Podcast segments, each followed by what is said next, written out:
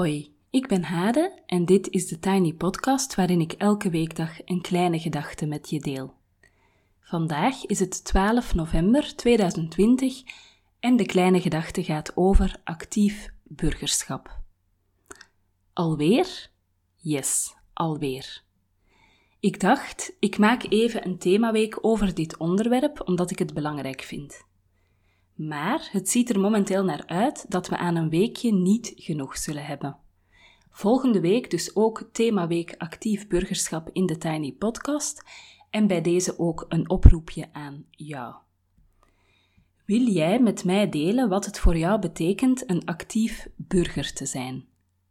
Dat kan je doen met een audiofragment of een tekst en die mag je versturen aan thetinypodcast.gmail.com.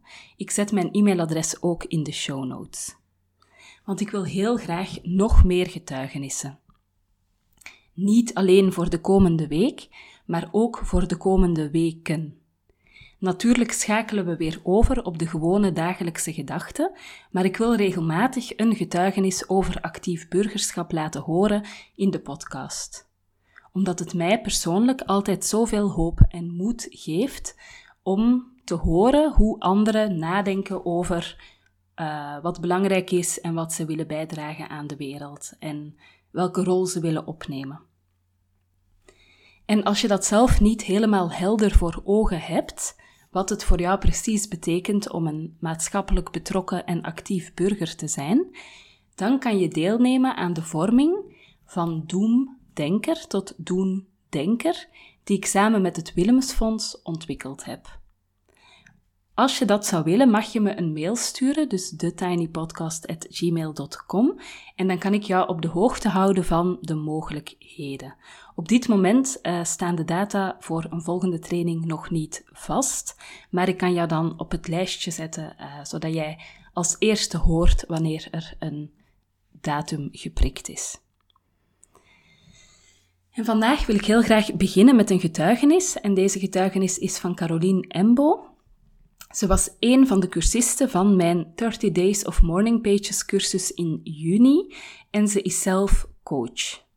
Het mooie is dat ze in Sint-Amans woont en dat is het dorp waar ik zelf uh, vandaan kom.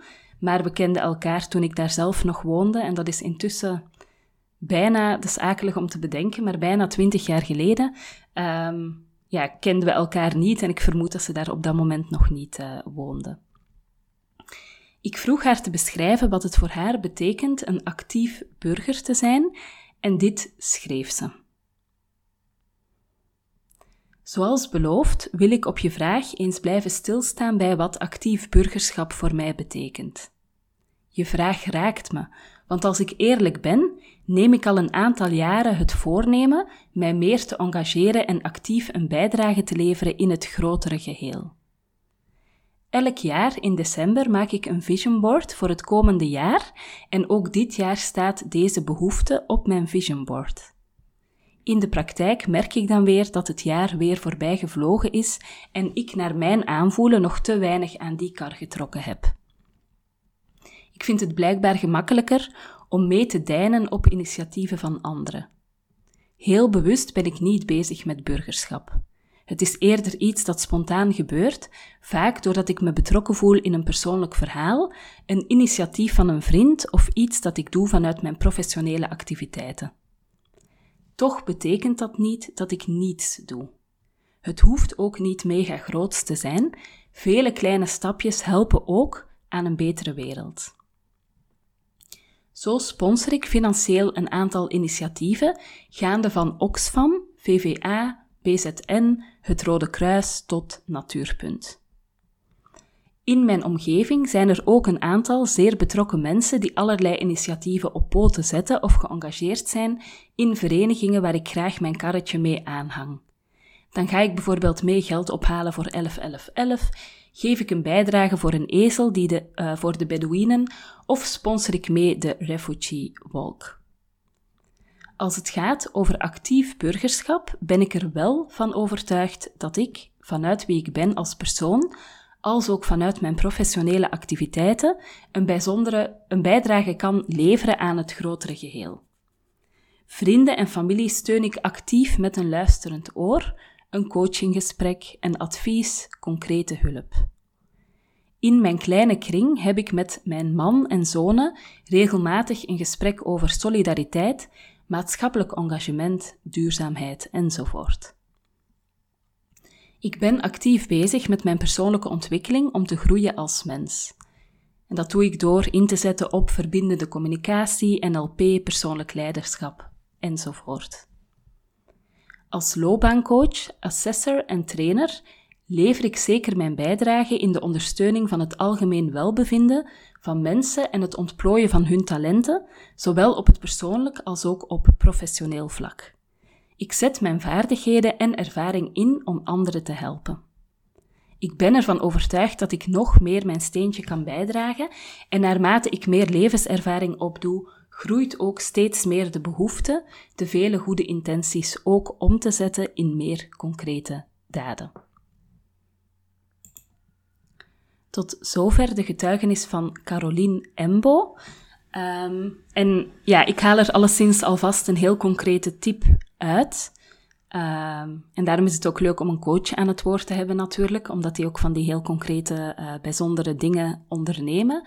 Maar het maken van een vision board voor het komende jaar vind ik eigenlijk een heel mooie aanvulling op onze um, ja, goede voornemens die we vaak maken. Dus ik zet ook even in mijn agenda dat ik daar de komende tijd ook even um, een moment voor ga nemen om dat wel te doen. Ik vind die getuigenissen heel erg mooi en daarom laat ik ze natuurlijk ook horen in de Tiny Podcast.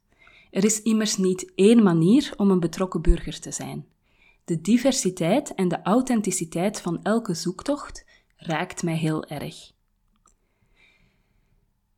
Gisteren vertelde ik iets over het onderdrukken van de pijn om wat er in de wereld speelt en wat te groot is voor ons om aan te kunnen of om er iets aan te kunnen doen. Joanna Macy onderscheidt in haar boek, um, Terugkeer naar het leven heet dat boek, verschillende oorzaken van onze neiging de pijn om de wereld te onderdrukken. Terwijl het net goed is, volgens haar, om die pijn wel toe te laten, omdat ons laten raken eigenlijk de eerste stap is om in actie te komen en om beweging uh, te creëren. Joanna onderscheidt negen oorzaken op het level van het individu, dus negen oorzaken van die onderdrukking van de pijn om de wereld. En vandaag deel ik er vier en morgen vijf. Ik nodig je van harte uit om te onderzoeken welke voor jou gelden. De eerste is angst om pijn. Pijn is niet bepaald in in onze functionele wereld. We hebben pijnstillers voor alle soorten pijn en het is heel normaal geworden regelmatig iets te slikken en door te gaan. Voor de pijn om de wereld, die gaat van wat er aan de hand is met het klimaat tot politiegeweld tot allerlei andere voorbeelden die je kan geven. Voor dat soort pijn helpen pijnstillers helaas niet. En ook niet de verdoving van alcohol of drugs, of toch slechts tijdelijk. We zijn het niet meer gewend om met pijn om te gaan, omdat we het vakkundig oplossen of vermijden. En daarom is de pijn om de wereld ook heel oncomfortabel voor ons. En hier ga ik even een gedachte uh, aan hangen. Um, ik heb op dinsdagavond uh, een cursus samen met Tamara Leenaert. En die cursus gaat over vrouwenverdriet, over um, het vaak niet erkende verlies en verdriet van vrouwen. Um, en wat we in die cursus doen, is eigenlijk echt ruimte geven aan dat verdriet. En um, het raakt mij heel erg dat daar als vrouwen ruimte nemen om dat verdriet te onderzoeken, om daar uh, mee bezig te zijn, om dat ruimte te geven, om daar ook creatieve dingen rond te doen, uh, om daar echt even naartoe te gaan. Dat daar echt een gevoel van opluchting uh, komt. Um, en daarbij zie je eigenlijk dat we misschien verdriet en pijn um, in onze maatschappij heel vaak proberen te onderdrukken of um, ja, in te dijken of in te dammen.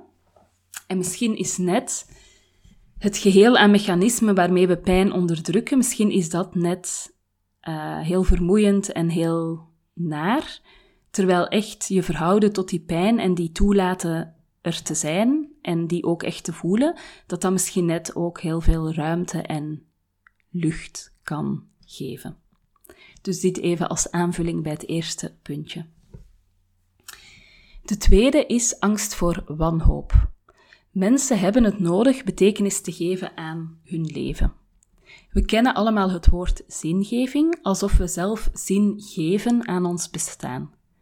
Maar ik sprak hier ooit over met een vrouw die me er fijntjes op wees dat het juiste woord misschien zinvinding is. Dat we dus de zin, die al aanwezig is, vinden in wat er zich in ons leven aandient, in plaats van volgens het maakbare ideaal zin te geven. In de zware thema's die in de wereld spelen, staat zoveel op het spel dat al het goede en mooie waarin we geloven zo nietig en absurd lijkt. Het lijkt ook onnozel om in je eigen omgeving een kind te helpen dat geen thuis heeft als je denkt aan al die kinderen in de wereld die geen thuis hebben of waar niet goed voor gezorgd wordt. Het opsturen van slaapzakken naar Moria is een goede daad, maar bij het zien van beelden van vluchtelingenkampen kan het zo ontzettend nietig lijken. Uit angst geen zin en betekenis meer te ervaren in de dingen uit ons leven en op die manier ook wanhopig te worden, is het soms heel aantrekkelijk om onze ogen te sluiten of die rolluiken waar ik het eerder al over had, om die snel dicht te laten. En dan de derde van de vier die ik vandaag meegeef, um, is de angst om een, doen, een doemdenker te zijn, met de M. In onze samenleving bestaat er een soort voorkeur voor optimisme. Positief denken, blijven lachen, niet te negatief zijn, nuances aanbrengen als je iets benoemt, niet te hard spiegelen, niet echt zeggen waar het op staat, want dat is niet zo leuk. Positieve voorbeelden geven. Optimisme straalt door in reclame, wordt door influencers op de socials uitgestraald en in de artikels in de magazines die we lezen voorgeleefd. Gevoelens van pijn en wanhoop passen hier niet bij en steken schril af tegen deze happy, happy, joy, joy cultuur. En nu ga ik toch nog even een voorbeeldje geven um, uit mijn eigen professionele leven. Zoals jullie misschien weten, werk ik uh, voor een aantal tijdschriften als journalist. Um, en laatst kreeg ik de vraag om een stuk te schrijven. En ik kreeg een boekje erbij van denk tien bladzijden met allerlei instructies. Um, dus dingen waar ik rekening mee moest houden um, bij het schrijven. Um, en een van de instructies was dat ik het woord niet, niet mocht gebruiken, omdat alles positief moest geformuleerd zijn. ik moest daar heel erg mee lachen. En ik vind het nog steeds een beetje grappig. Maar het is natuurlijk ook tekenend ja, voor ja, een soort van collectieve verdringing van pijnlijke of negatieve dingen. En ik geloof um, nou ja, dat positief denken kan zeker belangrijk zijn en kan zeker uh, allerlei dingen brengen. Maar ik geloof dat het kunnen en mogen benoemen van wat niet goed gaat en van de pijn die er is en van de dingen die niet oké zijn, dat dat ook heel belangrijk is en dat dat ook heel bevrijdend uh, kan werken. Voilà, en dan de vierde en laatste voor vandaag is twijfelen aan ons eigen gezond verstand. De realiteiten in de wereld waarmee we geconfronteerd worden zijn zo complex dat we in een discussie of gesprek makkelijk dom overkomen. Denk maar aan alle argumenten die over en weer vliegen als het gaat over al dan niet vegetariër zijn en die meestal ergens eindigen bij het kappen van het regenwoud voor het verbouwen voor soja, van soja bedoel ik, voor de sojaburger die de vegetariër eet. Dus is dat dan wat je wel wil. Um, ja, en het is gewoon zo dat er geen zwart of wit bestaat, dat er oneindig veel nuances zijn en dat we die nuances ook niet allemaal kunnen kennen. Tenzij dat we daar natuurlijk een soort expertstatus in verworven hebben. Um, maar het kan heel erg veel ja, angst creëren om een bepaald onderwerp bijvoorbeeld bespreekbaar te maken, als je weet dat de neiging om um, die nuances dan aan te slepen, om degene die een onderwerp aanbrengt, om die dom te doen overkomen, dat die neiging er wel degelijk is. ik heb als vegetariër echt ontzettend veel gesprekken gevoerd uh, en allerlei, ja, waarbij mijn tegenstander, ja, ik vind het een naar woord, maar degene die dan um, niet vegetariër was en die dan vragen had bij het vegetarisme, dat die mij ook op allerlei inconsequenties um, ging wijzen. Zoals het feit dat ik wel een keer het vliegtuig heb genomen, intussen is dat trouwens elf jaar geleden, dat ik nog een keer gevlogen heb. Dus in die zin uh, ja, is mijn ziel daar een beetje aan het opklaren. Grapje. Um, maar ook bijvoorbeeld dat ik wel leren schoenen draag. Um, nou ja, weet je, er is altijd wel iets om te zeggen tegen iemand die een bepaalde keuze maakt of die zich met een bepaald probleem tegenhoudt, uh, bezighoudt, sorry. En dat maakt dat het uh, echt heel erg kan voelen als glad ijs om het ook over die dingen te hebben, om, of om daar überhaupt over na te denken. Want ook als je zelf dingen begint te onderzoeken, hey, je hebt bijvoorbeeld het idee van ik word vegetariër, want dat is beter voor mens en milieu en dier. Uh, en je, gaat dan, je komt dan inderdaad in een soort van moeras terecht met informatie over soja en over uh, de plastic bakjes waar die vleesvervangers in zitten enzovoort enzovoort. Dat is ook niet heel erg bemoedigend natuurlijk. Dus de complexiteit uh, van de dingen kan heel erg ontmoedigend werken. Um, de vraag is ook vaak, ben jij degene die het woord mag voeren over een bepaald thema? Kan je bijvoorbeeld als witte persoon het onderwerp racisme ter sprake brengen? En kan je bijvoorbeeld andere mensen aanspreken op hun privileges, als jij zelf over ongeveer dezelfde privileges beschikt? Vaak neigen we naar een intellectuele verlegenheid, omdat alles zo complex is en we het moeilijk vinden ons in het mijnenveld van feiten en cijfers uh, en nuances en alle tinten grijs te kunnen begeven. Voilà, tot daar de eerste vier oorzaken van verdringing om de pijn om de wereld. En morgen voeg ik er daar maar liefst nog vijf aan toe. En ik nodig je hiermee uit een stukje onderzoek te doen bij jezelf. Van wat speelt er bij jezelf? Waar Wanneer laat jij je rolluiken toe um, en hou je de wereld buiten? Uh, welke oorzaken heeft dat bij jou? Zijn die oorzaken valide of niet? Um, ik geloof immers dat bij jezelf, jezelf bepaalde vragen stellen, dat dat heel goed kan zijn en heel vormend.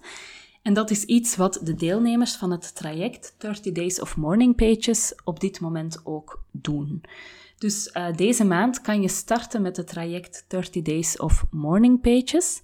En dan krijg je eigenlijk uh, een cursus waarin je een, op 30 dagen tijd, je kan er ook langer over doen als je dat wil, een schrijfpraktijk ontwikkelt uh, om eigenlijk jezelf vragen te leren stellen en de vinger aan de pols te houden bij jezelf. En bij die cursus hoort ook een kaartenset met um, uitnodigingen om te schrijven en om jezelf beter te leren kennen als schrijvend. En om in te checken bij jezelf, dus echt te kijken wat speelt er bij mij op dit moment. Um, en die kaartenset die heeft jammer genoeg vertraging gehad door de corona. Maar op dit moment weet ik dat uh, die met de post mee is naar Haarlem. Ik hoop dat hij vandaag nog uh, aankomt. En dan gaat hij ook meteen op de post voor alle deelnemers die al ingeschreven zijn en ook misschien voor jou, want uh, jij kan je ook inschrijven. Um, via de link in de show notes. Tot zover de Tiny Podcast voor vandaag. Je kan me volgen op Instagram, TheTinyPodcast. En je helpt me door deze podcast wat sterretjes te geven op iTunes, een review achter te laten en of hem door te sturen aan iemand anders die er misschien graag naar luistert. Tot morgen!